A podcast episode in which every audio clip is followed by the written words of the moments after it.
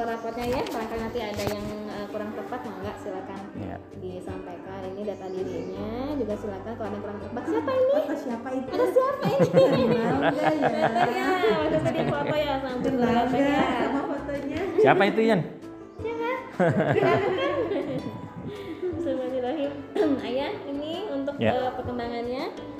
Pertama dinilai agama dan moral. Ini lebih ke Hmm. keagamaan ya. Ya. Seperti misalnya hafalannya, kemudian Hmm. eh, karakter Iran, Ya. oh, bagaimana ber- berinteraksi dengan temannya, bagaimana sopan santun terhadap guru. Ini di sini Ya. dinilai agama dan moral.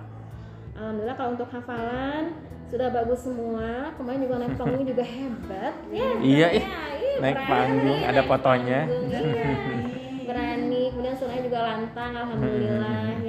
Kemudian yang disampaikan juga alhamdulillah bagus semua sudah Hmm. BS dan BSB semua artinya Hmm. anaknya sudah lancar dan Oh, berani iya. menyampaikan alhamdulillah sudah Iya, iya, iya. bagus kemudian ini untuk eh, apa kalimat thayyibah juga alhamdulillah ya Hmm. terus kita ingatkan terus kita bimbing misalnya untuk mengucapkan alhamdulillah Oh, subhanallah itu terus kita bimbing juga misalnya teteh hari ini lagi seneng nih di sekolah kalau lagi seneng kita ucapkan apa Ucapan apa Yan? alhamdulillah itu kita, kita ingatkan terus. Kemudian untuk Hmm. eh, mengikuti gerakan sholat dan wudhu juga alhamdulillah paling Ya. tertib ya Weh, Khusyuk. sekolah Iya. tertib. sholatnya ya untuk wudhu juga alhamdulillah Hmm. kalau wudhu juga eh, sudah sesuai dengan panduan Ya. kan memang kalau wudhu kan masih dipandu ya ya Iya, iya. kita pandu misalnya eh, dari niatnya kemudian dari Ya. kalau tangan sampai ke mana gitu itu Ya. alhamdulillah masih masih masih kita pandu dan alhamdulillah sudah bisa mengikuti kira Ya. Untuk sholat juga alhamdulillah sudah bisa mengikuti sudah khusyuk sudah tertib hanya kadang-kadang kalau ngantuk aja sih Suka ngantuk ya. iya kan jam-jam setelah makan nih langsung Iya. Oh, duhur ya? iya betul Oh, ya. iya. jadi kadang suka ngantuk sama ngelamun kiran bacaannya mana kita ingatkan lagi baru dia Iya, baca iya. lagi gitu itu yang sholat di sini seperti itu Hmm.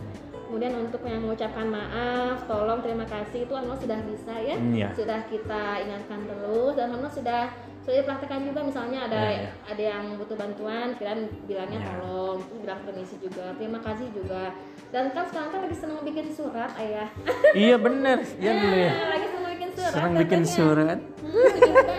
Bu guru eh, ini surat aku buat Dara oh iya Hmm. coba guru lihat gitu Eh, terus Dara juga Di rumah sama. juga sama dia suka sering. surat gitu bilang makasih ya berarti temennya tuh sayang temennya perhatian sama Kira itu kita Iya. kita kasih tahu juga karena bikin bu guru ini ada I love you buat bu guru wah I love you gitu bikin bentuk hati kayak gitu sih ya anak-anak perempuan dan semuanya sih memang kayak di kelas kita memang semuanya Iya. lagi begitu gitu Hmm. anak-anaknya alhamdulillah kemudian ini untuk eh, ini ya eh, apa bacaan-bacaan sholatnya Iya. bacaan sholatnya kadang-kadang yang tadi itu yang tadi Ya. kalau lagi ngelamun ya lagi ngelamun makanya gue suka kiran bacaannya gitu ya kayaknya sih ngantuk kayak itu tuh ya udah Hmm. jam-jam ngantuk makanya suka ada ngelamun untuk fisik motorik alhamdulillah juga sudah Hmm. bagus ya kan kita memang setiap hari eh, 30 menit kita ada khusus. Hmm. sesi untuk motorik kasar alhamdulillah kita bisa mengikuti Ya. kemudian eh, skillnya sudah bagus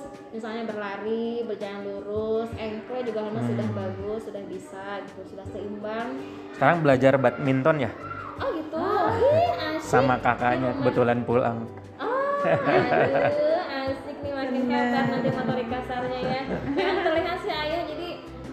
kegiatan di luar tuh dia semangat gitu ya, dia Hmm. eh, lebih lebih antusias gitu kalau kegiatan di luar tuh alhamdulillah.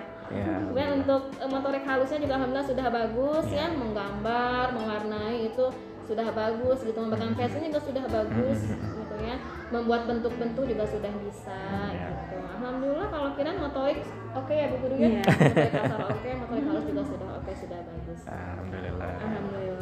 Untuk kognitif, untuk kognitif juga alhamdulillah sudah bagus. Artinya bagaimana Kiran memahami instruksi bu guru, Ya. kemudian memahami eh, pembelajaran. Hmm. Gitu. Alhamdulillah sudah sudah bagus, sudah sudah cepat memahaminya gitu. Cuma kalau pengerjaan karena memang perfeksionis gitu pengen bagus gitu. Iya, Ian mah lama ya. Suka agak lama. Kalau mau warnai juga lama ya. Iya, karena memang pengen bagus ayah, pengen pengen perfect gitu. Jadi teteh gitu suka. Kadang suka masih ditanya kayak gitu. Iya, iya. Gitu. Tapi bagus sih kalau Iya. pengajaran sudah Iya. sudah paham dan sudah sudah benar gitu cara pengajaran Iya. sesuai dengan instruksi alhamdulillah Hmm, sudah hmm, bisa nah paling untuk pengenalan huruf ya Nah, Iya, kalau untuk iya, pengenalan iya. huruf memang eh, itu kita sudah mulai di Hmm. tiga minggu ini ya kita Iya. sudah mulai Iya, iya, iya.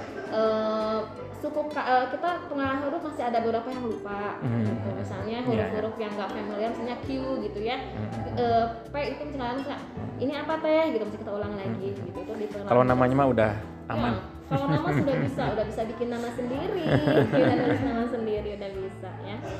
Terus sosial emosi juga alhamdulillah sudah bagus. Artinya bagaimana dia berinteraksi dengan temannya, bersopan kepada bu guru, kemudian kepada teman yang lain yang di luar kelas, bu guru yang lain juga alhamdulillah sudah bagus gitu. Sudah mau berbaur, sudah eh, sekarang eh, suaranya udah makin kedengeran ya Bu Iya. ya. Kalau awal-awal masih kecil suaranya. awal-awal masih kecil soalnya sekarang udah bisa kedengeran suaranya gitu. Iya. hanya kadang-kadang kalau misalnya di depan teman-teman aja sih misalnya Hmm. kan kita kalau pulang tuh suka bikin lingkaran ya bikin lingkaran gitu terus siapa yang mesti jawab gitu kadang-kadang suka Hmm. pengen jawab tapi masih suaranya masih pelan jadi kadang tuh bu guru kira ada nggak nih suka dicandain gitu ya tapi ya nanti lah bisa ya lebih kenceng lagi Hmm, hmm, hmm. mungkin belum ini kali ya ya ayah Iya. belum belum kadang-kadang belum percaya diri Belum gitu lepas ya. Mm, belum lepas aja gitu padahal kalau sama teman-teman ya bu ya Iya. teman-temannya udah udah udah udah teriak-teriak gua kalau lagi bersama teman-teman cuman kalau pas di kelas gitu Iya, ya iya. lagi kita lagi bersama itu kadang masih suka belum ini suaranya belum kenceng gitu Iya. ya belum kadang-kadang belum ekspresif gitu malah Hmm. kelihatan gitu pengen jawab gitu kan Iya, jawab aja di rumah mah teriak-teriak. Iya. kan antusias gitu ya pengen cuman kayaknya masih agak malu sedikit ya teh ya ini untuk bahasanya juga alhamdulillah ya Mbak Iya. dia sudah bisa menyampaikan keinginan sudah bisa menyampaikan pendapat gitu. Terus e, bertanya juga sudah mau bertanya. Misalnya bu Hmm. guru ini gimana caranya? Alhamdulillah sudah mau sudah bisa gitu. Dan sopan santun juga alhamdulillah sangat sopan. Misalnya tidak pernah ada kata-kata keluar kata yang kurang baik misalnya Iya, tidak pernah alhamdulillah selalu bagus berbicara ke guru juga nggak pernah teriak-teriak ya bu ya? Iya. Hmm. nggak pernah eh, apa nggak pernah misalnya ada marah atau apa alhamdulillah tidak pernah Iya. semuanya bagus kalau untuk bahasa ya ya paling mungkin lebih ekspresif aja ayah ya Iya di Ya. rumah mah. Oh, kalau kata bunda oh bu kalau di rumah tuh dia tuh gini oh, gitu ya. Muncul kali ya Belum ya, baru muncul. tiga bulan awal saya Iya, bilang iya. iya kayaknya gitu deh bu karena kalau di rumah soalnya ini uh misi kata ya teh ya nanti kata teh bisa di kelas ya teh ya kemudian untuk ini seni nah kalau ini seni sih wah ini mah udah bagus banget ya Ah, senang gambar. Iya, seneng gambar, seneng mewarnai gitu dan dia sudah bisa mengkreasikan warna kan? Iya. Gitu. Udah udah udah bisa warnanya udah bisa milih sendiri gitu kan. Teknik gradasi juga sudah lumayan bisa Iya. ya, ya. Digradasikan juga sudah bisa alhamdulillah. Nah, apalagi kan lagi senang bikin surat ya, jadi senang udah bisa bikin bentuk-bentuk segala macam itu udah bisa ya. Alhamdulillah sudah bagus ya. Iya. Ini untuk di raport hafalannya juga alhamdulillah Oh, sudah iya. bagus. Eh, Sudah banyak yang BSB. BSB itu Iya. artinya berkembang sangat baik. Ya. Artinya anaknya sudah lancar sendiri gitu Iya, iya. me- melafalkannya gitu. Iya. Jadi sudah tidak perlu kita bantu. Misalnya kira silakan bacakan Quran surat Anas misalnya. Udah Hmm. langsung sendiri bisa. Gitu. Iya. iya, iya. Ini yang surat-surat sudah bisa semua sudah BSB. Kalau ini untuk yang hadisnya ayah udah eh, BSB ya. Ini yang BS1 dia kadang suka lupa Al awalnya. ikhlasnya enggak ya? Eh, al ikhlas kita Oh, kita ini juga cuman eh, Oh, belum iya. masukin ke sini karena Oh, memang iya, iya. nanti biasanya di semester eh di tengah Oh, iya, dibagi-bagi. gitu Hmm. ya betul tapi kita sudah mulai ya bu ya Iya. kalau sholat kita sudah Sholat kita mulai baca. bacakan al ikhlas gitu ini untuk yang belajar Al-Qur'annya. Di sini Hmm. BSH karena bisa suka lupa depannya. Oh iya, ini. iya. Lupa depannya. Jadi kita pancing depannya. Ini loh yang ini. Baru dia Iya. melanjutkan gitu baru bisa. Ini untuk yang doa-doa juga alhamdulillah sudah BSB semua ya. Sudah berkembang eh, sangat baik hanya Iya. ini ketuker-ketuker belakangnya yang masuk keluar masjid ini ayah Iya, masih iya, BSH ya nanti kita ulang-ulang lagi ya teh ya suka ketuker aja sih belakangnya sebenarnya Hmm. yang ini teh yang ini teh ini untuk yang doanya juga masih di sini BSH karena masih ada suka lupa-lupa sedikit tuh. Oh iya. ini yang gua tuh ikro ya membaca ikronya Iya. main untuk seni tari nah kalau ini wah ini mah bagus Bu Yanti sering kirim bunda ya, ya. videonya Iya. Semangat. Seneng nari. Hmm, senang bergerak senang nari dan sudah bisa ikuti instruksi pelatihnya gitu jadi Iya, iya, iya. sudah tepat gitu gerakannya kemarin ya dari bu gurunya ini untuk yang eh, program unggulannya bahasa Inggris kemudian dipegang saya sendiri ayah bahasa Hmm, Inggrisnya ya. alhamdulillah sudah bagus ya sudah bisa mengikuti Ya suka nanya-nanya. ah gitu coba di rumah suka belajar sama ayah Oh, sionim, cenah.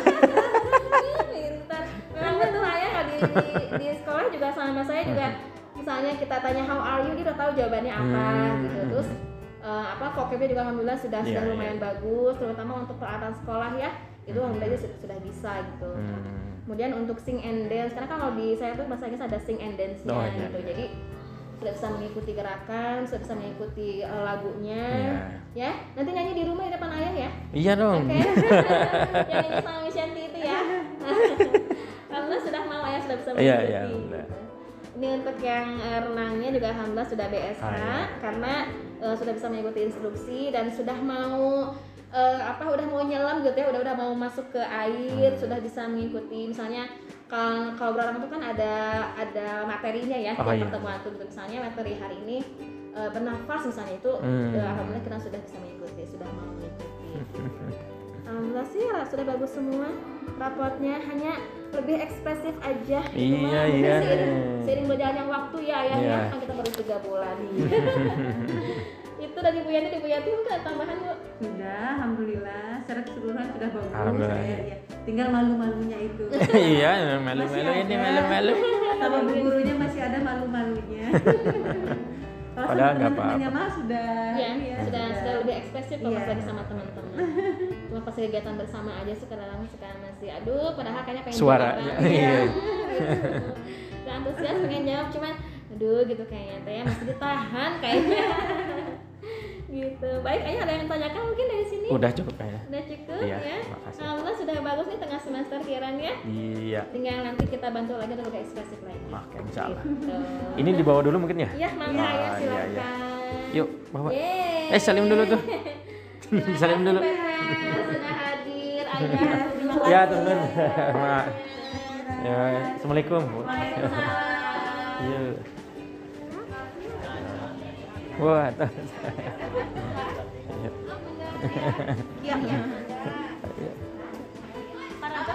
Atas, oh, atur nun. Insya Allah kontak-kontak ya pangitin. Ayo dipakai. Insya Allah.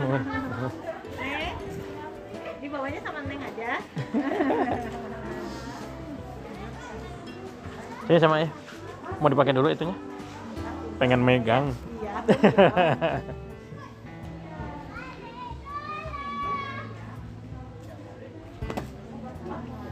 Bu, mangga bu.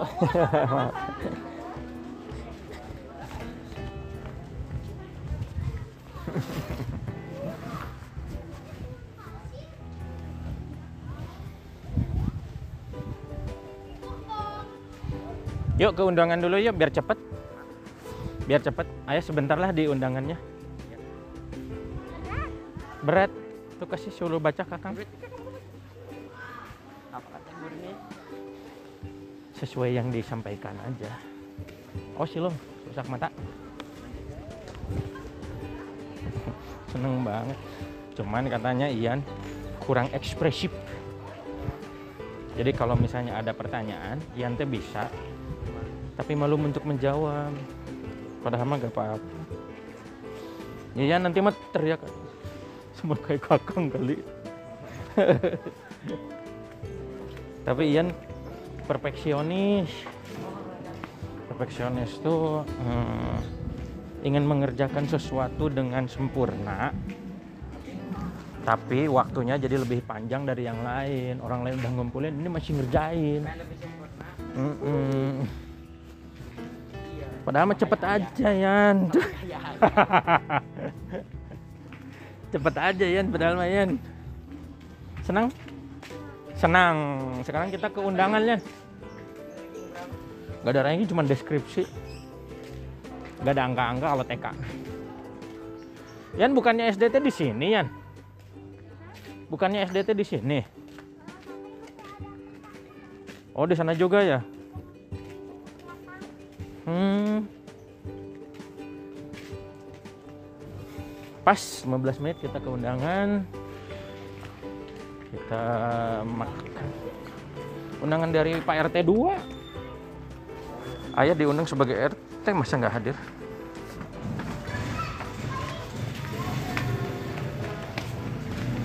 Deket kok di itu. Teh.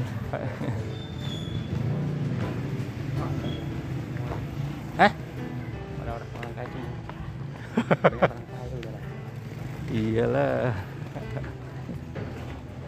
Siapa itu Yan? Oh enggak tahu. Banyak ya Yan. Tapi untuk ke kelas SD-nya itu udah ada pendaftar ti- 80 katanya. Sekarang Hmm?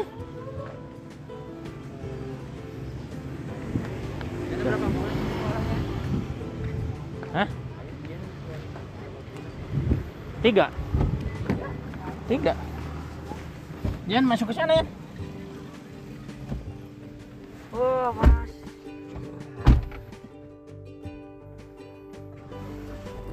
Mana iya? Nyalain aja. Oh ya.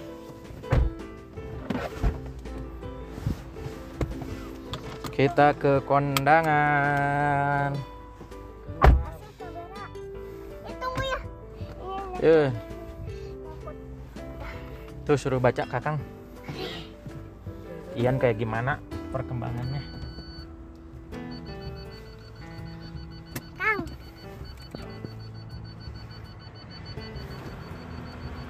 Yan, itu buka Yan. Ini bukan. Ini biar ada angin panas banget.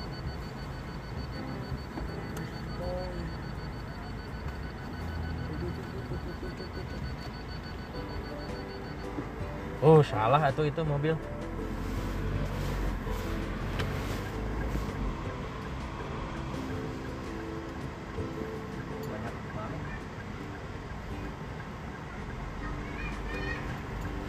Orang ini tulisannya perboden.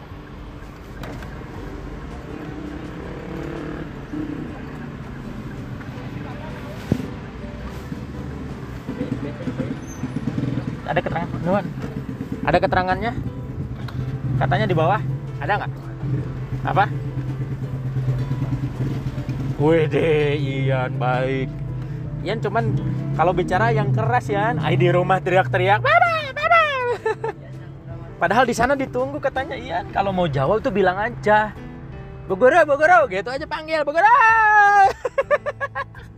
Kayak manggil ayah ibu, hah? Gak usah malu kalau di sekolah mah kan tempat belajar. Malu sama laki-laki. Ah, dasar Ian. Aduh, ini gara-gara si AA nih.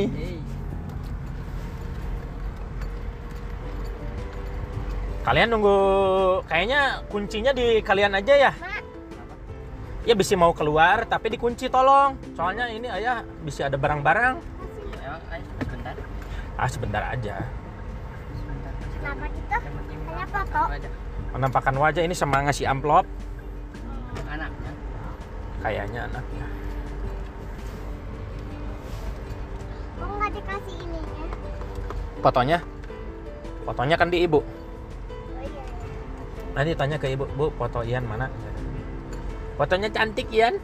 Pakai baju yang biru ya? Baju andalan itu bagus itu. yang sih dilemesin Dilemesin apa? oh, fotonya teh Ya tapi jadi agak-agak senyum itu bagus. Tapi kayak mau napas kan dibilangin teh dilemesin Ah, tapi yang teh aku mau napas oh iya iya iya. iya. kenapa nggak dikasih foto duluan Di ibu, fotonya di, di ibu. Kan di dalam ada foto buka. Yang di luar nanti di ibu. Ada kan? Iya kan? Cantik. itu rambut tuh mau keluar. Eh enggak ya. Pakai ciput ya? Ya. Enggak, mungkin silau. Ada ada cahayanya nggak pas waktu dipoto? ada Agak silau. dia merem terus buka mata Oh. akhirnya ngambil dapat kesayangan Hmm, rapot kesayangan. Bangga banget ya punya rapot. rapot kesayangan. Iya, nanti harus dikembaliin setelah ditanda tangan. Nanti diisi lagi, nanti dikasih tahu lagi. Ian perkembangannya sudah BSB. nanti dikasihin lagi Iya, nanti. Hari Senin kan Ian sekolah lagi. Cuman Ian ya izin. Ian izin. Iya ke Pangandaran izin. Karena pas yang izin eh, pas yang izin ke Ki Kia ngapain aja Kia gak tahu tuh. Ki ekskul deh Ekskulnya ikut apa Kia? soalnya Kia mah ekskulnya ikut biasanya sih ikutnya tuh bareng Ian Bahasa Inggris. Hmm. Hmm, ekskulnya teh beda-beda Ian mah kan tari Kia mah warnain pas ekskul keduanya Mm-mm. eh, itu Kia mah ngaji Ian mah Mm-mm. itu bahasa Inggris Weh, Ian memilih. sama bahasa Inggris ya Katanya tadi kata Bu Yanti Ian bisa nyanyi bahasa Inggris. Ini yang lagu apa sih emang yang suka dinyanyiin? Stop. dasar. Duh, ini parkirnya di mana ya? Oh, itu tempat nikahannya. mana? Ini. Dekat kok, sebentar. Ini bisa kalian pengap di mobil, kuncinya dibawa aja ya. Iya. HP Kakang dibawa kan? Kata ibu ikut aja habis sih lapar. Jadi di rumah masak telur. Oh, udah ada guys. Oh, ada gedung ser- serbaguna. Iya. Ian sama ayah ya, temenin. Jagain rapat Ian ya. Raport cuma di sini, jangan dibawa ke undangan. Tapi jagain ya rapat Ian ya kan? Bisa gosong. Gosong. Kan panas. Nih, Coba lihat.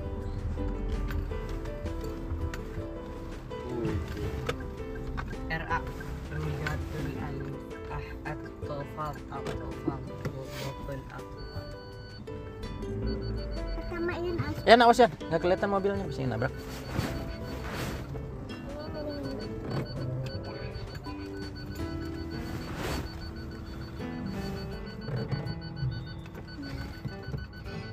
Masih ya. Yuk, kalian mau dalam mobil apa keluar? Gak apa-apa kok. Tapi ini lebar bensin, eh kalau dinyalin terus. Buka jendela. Oke, jangan. Atau jangan. Jatuh. Ikut aja. Mereka nggak punya sepatu ya. Saya juga pakai sendal. Ayo pakai sepatu sekarang. Ini pakai sepatu. Saya bukain. Iya, tunggu aja sepatu dulu. Oh itu sepatu. Aku jangan Oh iya, ya. Bisi apa gitu ya? Coba jalan. Hmm, bau. Mm-mm. Pas kaki ayam bau banget. Bau bagong. Biasanya disimpan kartu. Baik bagong. Bau bayi. Jangan ya, jangan sebut. Itu kata A yang duluan. Ya nanti yang masukin amplopnya ya. Apa itu?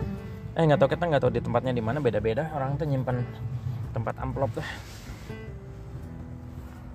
Ah kita mah nyari es krim aja ya Yan. Iya. Dan iya seger ya. Tapi nggak tahu tuh ada es krimnya nggak. Ya. Kan lupa ya. Ya.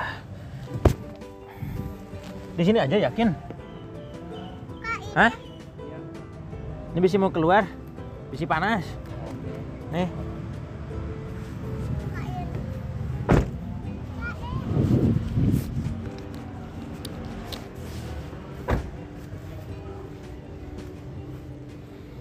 Ya nanti salim-salim ya ke teman-teman ayah. Oke.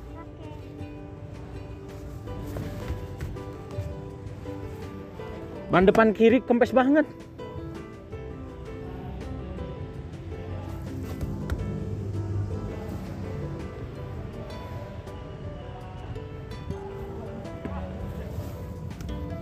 Wah parah ini.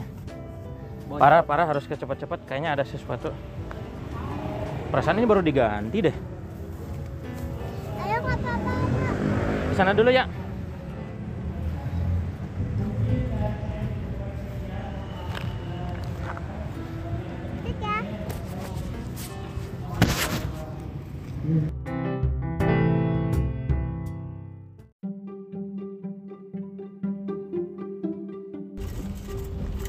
Oke, assalamualaikum warahmatullahi wabarakatuh.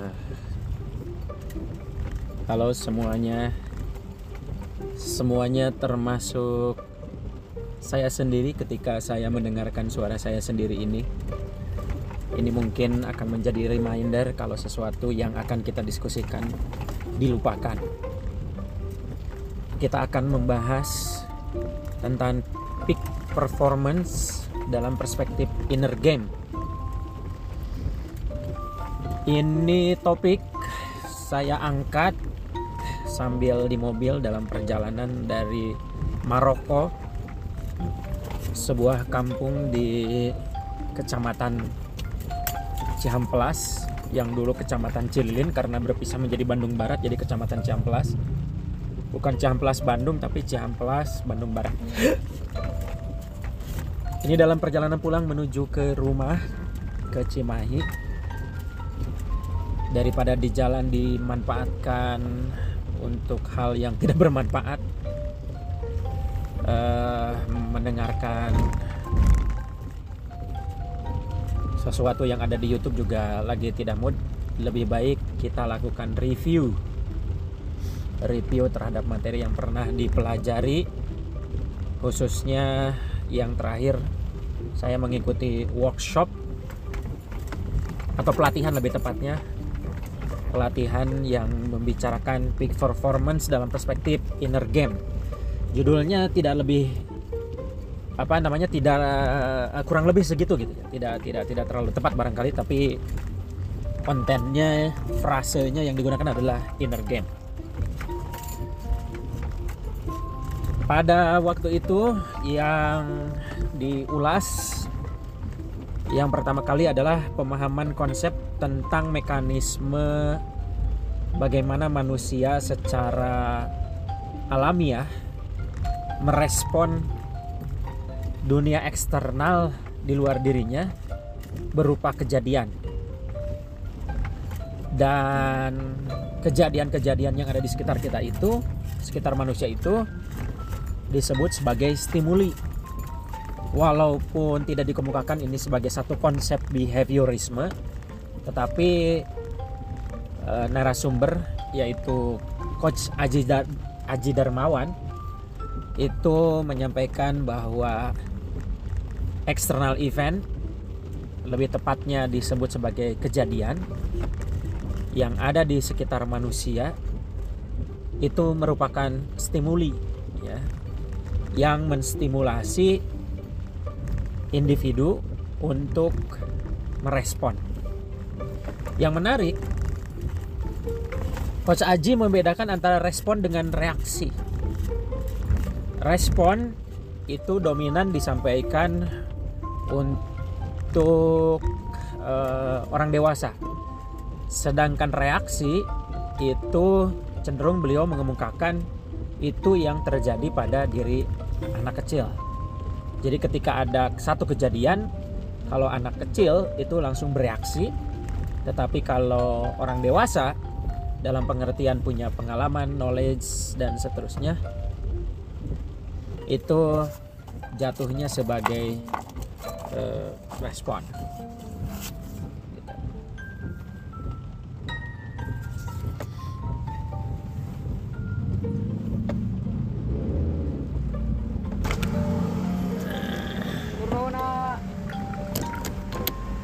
Sorry barusan kepotong tukang ini eh, yang eh, iniin Pak Ogah sedang ada perbaikan jalan ini.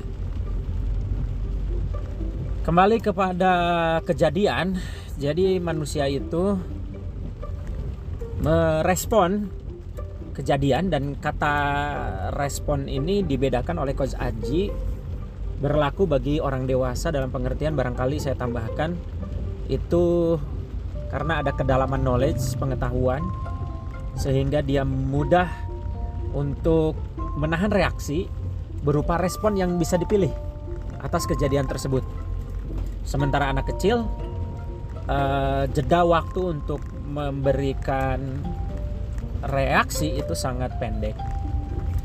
Oke, nah apakah orang dewasa bisa pendek, bisa lambat memberikan respon? Tetapi kalau menggunakan kata respon, Coach Aji menyampaikan itu pada orang dewasa. Oke, nah respon ini merupakan eh, hasil dari dua unsur ya karena perilaku itu merupakan eh, respon. Jadi memang kalau bicara behavioristik kan eh, stimulus respon. Maka respon itu adalah perilakunya yang muncul. Nah tetapi dalam perspektif NLP kemarin tentu saja respon yang dimaksud adalah luaran dari eh, performance yang kita targetkan. Nah luaran itu dihasilkan oleh apa? Dihasilkan dari eh, state. State itu kondisi pikiran ya. State itu kondisi pikiran yang terhubung dengan perasaan dan connect pada eh, kondisi fisiologis. Jadi itu state. Maka state kemarin bercandanya ya terjemahannya tentu saja bukan negara bagian, tapi state lebih yang dipilih adalah sebagai sebuah kondisi kondisi diri kita. Pikiran yang terkoneksi dengan afeksi kita itu seperti apa dan diekspresikan dalam bentuk fisiologis kita. Nah yang menarik adalah di dalam state ini kita bisa kelola. Begitu ya. Kita bisa kelola karena state ini eh, alhamdulillahnya ada di dalam kendali kita. Jadi kalau kejadian yang ada yang menimpa diri kita sebagai manusia itu respon yang kita ekspresikan itu tergantung state kita begitu ya. Walaupun state dipengaruhi kejadian eksternal tetapi untungnya kita bisa memilih state tertentu untuk dijadikan respon sebagai bahan dasar respon eh, pada kejadian tersebut. Nah, kenapa penting mengelola state? Karena ini hubungannya dengan inner game ya, peak performance. Itu ada kaitan dengan peak performance kita, performance kita, kinerja kita atau respon perilaku kita, habit kita, identity kita, perilaku kita itu dipengaruhi oleh dua hal. Selain state itu ada juga skill atau pengetahuan prosedural yang didasari oleh pengetahuan formal, kemudian keterampilan yang secara hierarki dimiliki oleh seseorang. Nah, keterampilan hierarki teknis yang dimiliki seseorang kalau dia berdiri sendiri tanpa state yang tepat itu tidak akan menghasilkan performance yang baik tidak akan mencapai pada apa yang disebut frasanya sebagai peak performance jadi kinerja puncak ya penampilan performance puncak gitu ya nah oleh karena itu banyak kejadian orang-orang tidak memiliki atau tidak menunjukkan performance-nya yang bagus walaupun yang bersangkutan skill atau knowledge-nya bagus. Karena apa? Karena state yang salah gitu ya. State yang tidak tepat. State yang tidak dikelola dengan baik. Beberapa contoh disebutkan bahkan saya juga bisa memberikan contoh mungkin yang paling terakhir ya yang ditunjukkan di dalam pertandingan tiba-tiba tenis antara Vincent dan eh bukan Vincent, Desta dengan Rapi Ahmad kita bisa lihat di dalam pertandingan bahkan pra pertandingan beberapa walau alam apa itu gimmick atau tidak tetapi beberapa pakar tenis termasuk Yayu Basuki mengatakan skill atau knowledge atau keterampilan tenis dari Desta itu di atas kertas jauh lebih baik daripada Raffi. Nah, tetapi Raffi berhasil memenangkan pertandingan itu lebih pada penguasaan mental kondisi dia dalam menghadapi situasi pertandingan dihadiri 3000 penonton dan di YouTube di live mungkin saya sendiri ikut menyimak sampai 700 ribu orang pada saat itu ya. Nah ternyata eh, akhirnya Raffi Ahmad memenangkan pertandingan dan Desta kalah nah oleh karena itu apa yang di atas kertas skill, knowledge, keterampilan tenis Desta dalam konteks ini itu bisa kalah dengan kemampuan Raffi Ahmad menguasai uh, situasi lapangan dengan state yang tepat untuk mengalahkan Desta bermain tenis. Nah, konsep state skill itu di dalam buku Inner Game of Tennis dari Timothy Galloway menyampaikan bahwa memang state ini uh, sangat menentukan gitu ya dibandingkan dengan skill. Tentu saja mungkin skill iya, tapi kalau di uh, dampingi dengan state yang tidak tepat bisa jadi uh, sesuatu yang percuma, tidak bermanfaat. Nah, oleh karena itu pembahasan kita adalah bagaimana mengelola state. Nah, gitu ya. Jadi ujung-ujungnya bagaimana mengelola state. State dalam kondisi ini untuk kepentingan peak performance atau kinerja atau sebagai uh, siapa pun dalam profesi apa pun itu tergantung dari state yang unsur sederhana yang kemarin dibahas oleh coach Aji itu terdiri dari dua. Yang pertama adalah intensi, niat. Yang kedua adalah atensi, perhatian. Nah, begitu ya. Jadi dengan dua itu, intensi dan atensi, maka orientasi kita untuk menghasilkan performance pada level puncak itu memungkinkan lebih besar kemungkinan berhasilnya begitu. Jadi kemarin akhirnya membicarakan sekaligus melatih bagaimana supaya intensi atau niat kita kuat, bulat, terfokus uh, dan atensi kita tidak terganggu sehingga juga menghasilkan kombinasi uh, yang akan mendukung peak performance.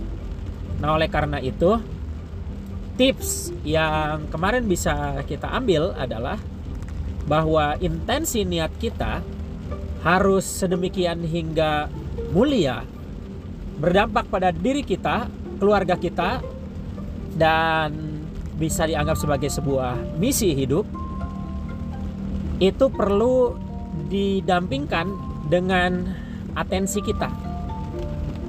Niat saja tidak cukup Atensi dalam bahasa Indonesia diterjemahkan kemarin itu sebagai sebuah perhatian.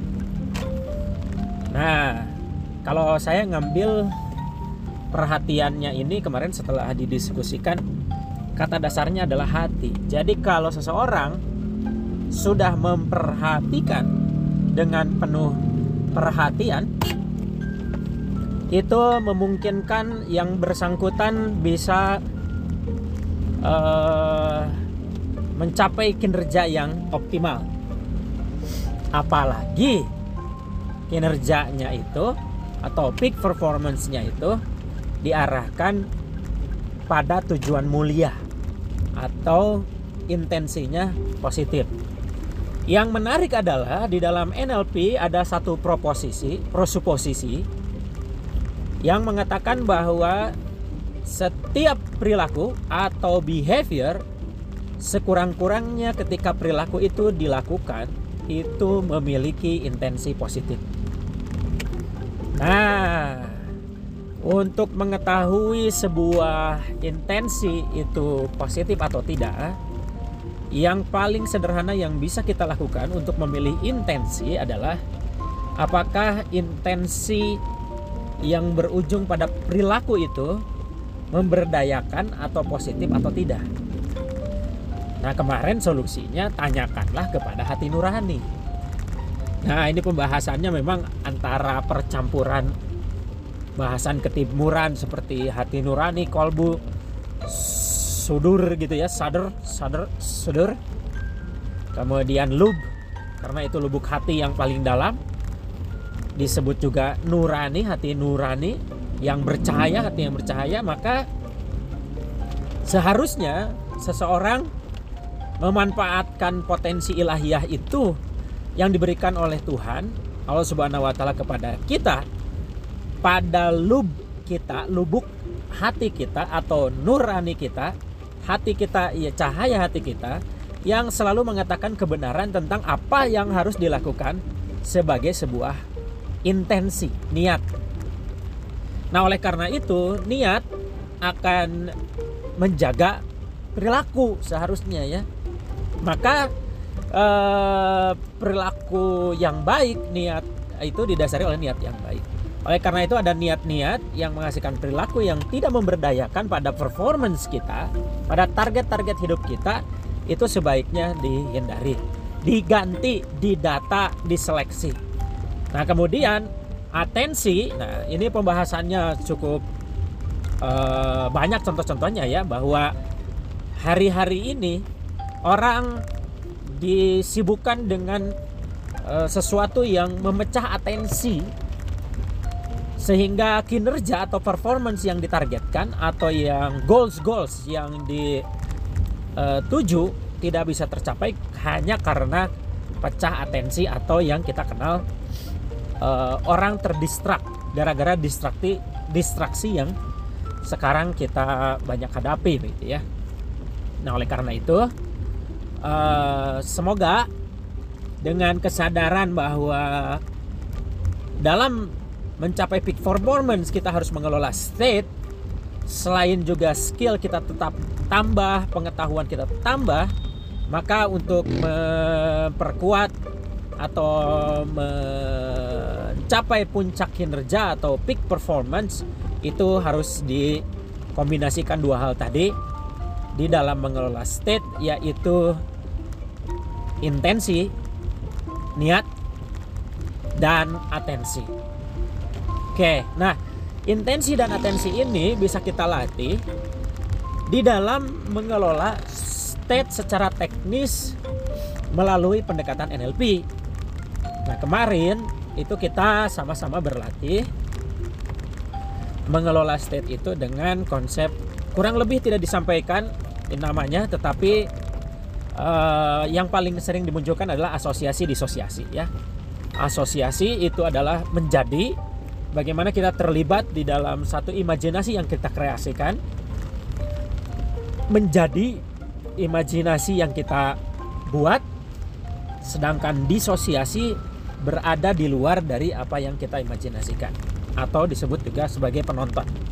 Nah, langkahnya adalah kemarin kita diminta untuk mengimajinasikan pada saat kapan kita merasa sedang uh, dalam kondisi uh, peak performance? Begitu ya. Pada saat apa? Kemudian kita diminta untuk mewujudkan sosok tersebut artinya diri kita di hadapan kita kitanya sambil berdiri. Kemudian kita melihat dari ujung kepala sampai ujung kaki mengidentifikasi berdasarkan sensori akuisiti kita apakah yang dipikirkannya, apakah kondisi fisiologisnya, apakah suasana lingkungannya, kita lihat dari luar diri kita. Nah, ketika sudah kuat, kita diminta masuk untuk menikmati sebagai orang yang dimaksud. Nah, karena ada telepon kita tunda dulu ya pembahasannya kita lanjut nanti.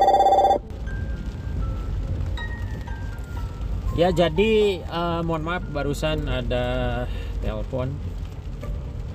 Uh, kita lanjut. Sampai mana tadi? Yang pasti untuk peak performance itu dibutuhkan state yang bagus pengelolaan state yang bagus supaya skill atau knowledge yang kita miliki itu supaya keluar gitu. Supaya jadi supaya memang sesungguhnya skill itu adalah skill yang bisa dipraktekkan dibuktikan melalui kinerja yang eh, kinerja puncak peak performance. Nah eh, kemarin itu saya ulangi tadi sudah sampai pada tahap mengimajinasikan tekniknya. Walaupun tidak disampaikan tapi itu kemungkinan besar adalah teknik circle of excellence. Jadi diminta untuk membayangkan langkah pertama di hadapan kita ada sosok yaitu diri kita sendiri yang eh, pernah merasa dalam kondisi peak performance. Dengan teknik disosiasi ya. Disosiasi itu berarti artinya kita sebagai penonton menghadirkan eh, apa yang ditonton. Yang ditonton adalah diri kita pada saat memiliki state peak performance begitu ya Eh, dilihat diimajinasikan dibayangkan dihasilkan sampai terlihat bahwa orang atau kita itu sendiri eh, dalam kondisi peak performance nah Eh, bagi yang kesulitan untuk menghadirkan sosok tersebut bisa kita lihat sosok orang lain yang kita targetkan eh, sebagai peak performance yang kita eh, tuju gitu. Misalnya jadi pembicara yang hebat, kalau kita tidak pernah melakukan hal yang sama di dalam kondisi hebat dalam tanda kutip sebagai pembicara, maka kita bisa memilih orang lain sebagai sumber daya yang kita jadikan sebagai sosok imajiner untuk kita disosiasi dalam praktek ini. Circle of Excellence. Nah, pada dasarnya kita dibimbing untuk menghadirkan, kemudian kita melangkah untuk masuk supaya terjadi proses asosiasi. Kita sebagai penonton mengasosiasikan diri kita menjadi diri orang yang kita lihat pada saat disosiasi.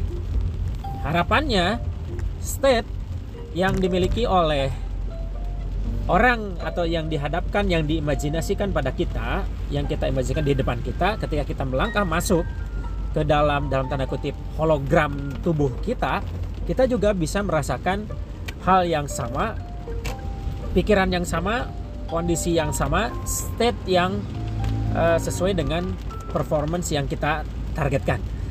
Nah setelah masuk kita rasakan tarik napas hembus napas mundur kemudian dilepas break state kalau di dalam istilah yang lain tapi kemarin tidak disebutkan. Nah kemudian kita diajak untuk masuk lagi mundur lagi. Nah eh, latihan itu harapannya kita mampu mengelola state karena pada dasarnya inner game itu adalah kemampuan mengelola state supaya state yang tepat bisa mengeluarkan performance yang baik sesuai dengan skill dan knowledge kita. Nah, oleh karena itu di sanalah inner game berlaku. Nah, konsep lain di dalam inner game ini jadi eh, apa namanya? Kemarin juga dibahas tentang belief. Bahwa belief atau keyakinan itu adalah sesuatu yang menjadi intensi kita dan perhatian kita yang mengkonstruksi uh, belief kita. Jadi kita punya serangkaian belief berdasarkan pengalaman-pengalaman hasil dari intensi dan atensi kita. Kemudian itu direkam, kemudian itu diyakini sebagai sebuah kebenaran dalam tanda kutip ya. Nah, oleh karena itu, bagaimana cara ngecek belief itu bermanfaat bagi kita atau tidak? Itu bisa dengan dialog atau mempertanyakan dipertanyakan belief itu gitu ya. Apakah belief itu pertama memberdayakan atau tidak? Apakah belief itu juga eh, melanggar norma atau melanggar aturan-aturan pengetahuan? Barangkali itu hanya eh, common sense yang tidak memberdayakan. Jadi belief yang baik adalah yang positif dan memberdayakan. Nah, kemudian untuk uh, belief ini kalau serangkaian belief ini terkondisikan dan terkonstruksi dengan baik dengan pengalaman-pengalaman baru maka dia akan lama-lama menjadi identity identitas nah dari sini ada pertanyaan apakah yang bagus itu membangun identitas dulu atau eh, membangun hal-hal teknis dulu supaya menjadi identitas. Nah pada dasarnya konsep ini sebetulnya resiprokal ya bisa identitas dulu kita form kita bentuk dengan mission statement dengan eh, perencanaan to do list misalnya ya atau kita bisa balik juga menggunakan hal-hal teknis yang kita ulang-ulang dengan memperkuat atensi dan intensi kita. Nah, jadi dua-duanya tergantung orangnya. Ada yang senang dari identity visi misi dulu, ada juga yang langsung take action dan take action itu menjadi serangkaian pengalaman yang membentuk belief dan belief serangkaian belief yang dibentuk di dalam konsep keyakinan akan membentuk identitas. Dalam buku Atomic Habit saya bertanya ke Coach Aji gitu bahwa kalau ingin mengubah perilaku coba cek eh, identity dulu yang di form. Jadi kalau misalnya peak performance kita adalah guru profesional, maka identitas kita itu kalau kita ingat ulang dengan berbagai keyakinan yang berhubungan dengan identitas itu, maka turunannya akan diekspresikan pada perilaku kita. Nah, tetapi jawabannya adalah itu tergantung orangnya. Ada juga yang seperti itu sukanya, ada juga yang sukanya kerja kerja kerja. Lalu semua pekerjaan yang penuh intensi dan atensi itu menjadikan belief dan akhirnya menjadi identity. Nah, jadi mungkin tergantung orangnya. Dari detail ke umum, dari umum ke detail. Nah, demikian mungkin insight saya eh, sebagai tambahan bahwa apa yang disampaikan itu dari sisi konsep dalam NLP sebetulnya itu eh, hasil racikan dari konsep-konsep dasar seperti human of the world, kemudian asosiasi disosiasi, circle of excellence, kemudian desire state dan eh, apa eh, present state itu selalu ada begitu ya. Jadi kita juga bisa mengkreasi eh, desain pelatihan yang serupa dengan konsep-konsep dasar seperti itu. Saya kira untuk eh, kesempatan ini kita akhiri dulu. Semoga bermanfaat yang mendengarkan. Bahkan saya sendiri kalau Anda mendengarkan ini kata-kata untuk saya sendiri. Semoga apa yang telah dipelajari bisa diamalkan karena kekuatan ilmu adalah pada saat diamalkan. Semoga bermanfaat. Selamat belajar lebih dalam. Assalamualaikum warahmatullahi wabarakatuh.